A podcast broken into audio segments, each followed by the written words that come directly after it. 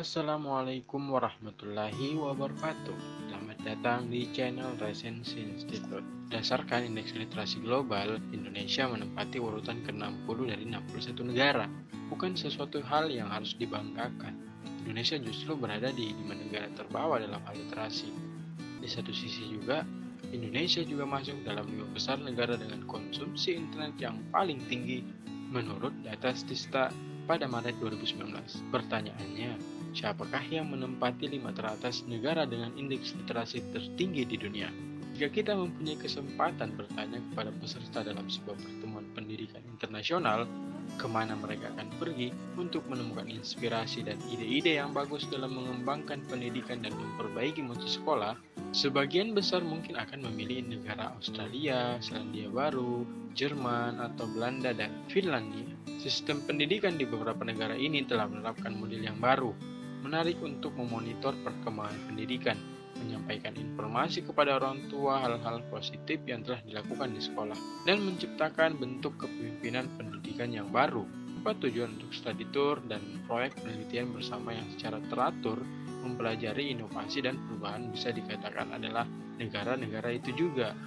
Dalam buku ini, Timothy D. Walker merujuk satu negara yaitu Finlandia yang berada di puncak tertinggi indeks literasi global Timothy menemukan 33 strategi sederhana untuk kelas yang menyenangkan yang ia bagi dalam lima pembahasan dalam buku ini yaitu kesejahteraan, rasa dimiliki, kemandirian, penguasaan, dan pola pikir.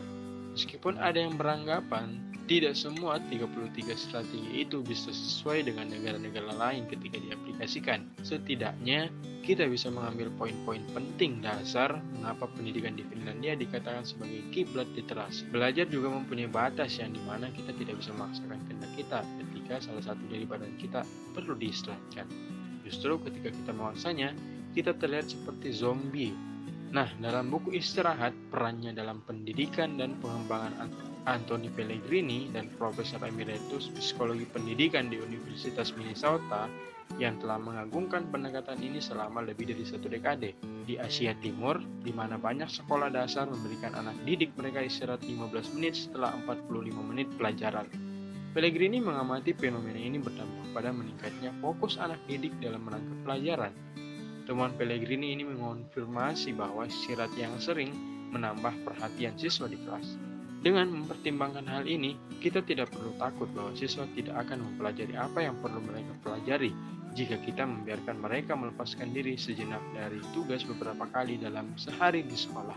Dalam buku ini dijelaskan juga memberikan waktu istirahat melalui jeda yang teratur akan mengarah pada produktivitas dan kreativitas yang lebih besar. Kata Levitin, seorang profesor psikologi, anak-anak sebaiknya jangan terlalu diatur, mereka sebaiknya memiliki waktu untuk mengembangkan spontanitas dan kreativitas. Selain mengistirahatkan otak di sela-sela pembelajaran anak-anak, perlu diperhatikan juga anak-anak siswa harus lebih banyak diajarkan belajar sambil bergerak karena anak-anak notabene-nya masih dalam tahap selalu ingin bermain.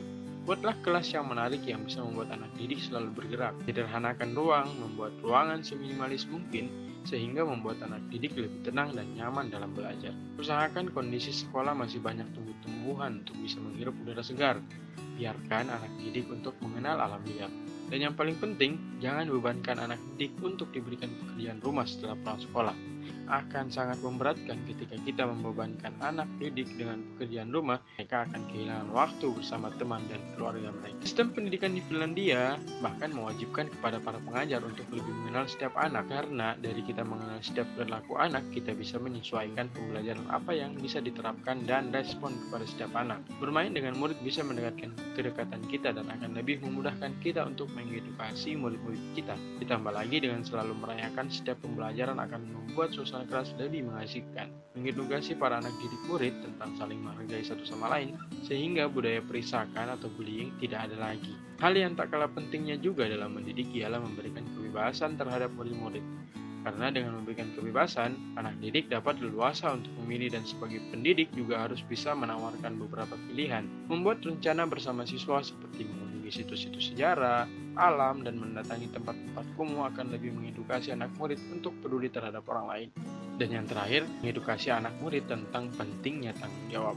Mengedukasi anak didik terhadap hal-hal mendasar sangat perlu. Misalnya, mengajarkan anak-anak untuk menggunakan teknologi untuk menambah skill yang sangat diperlukan.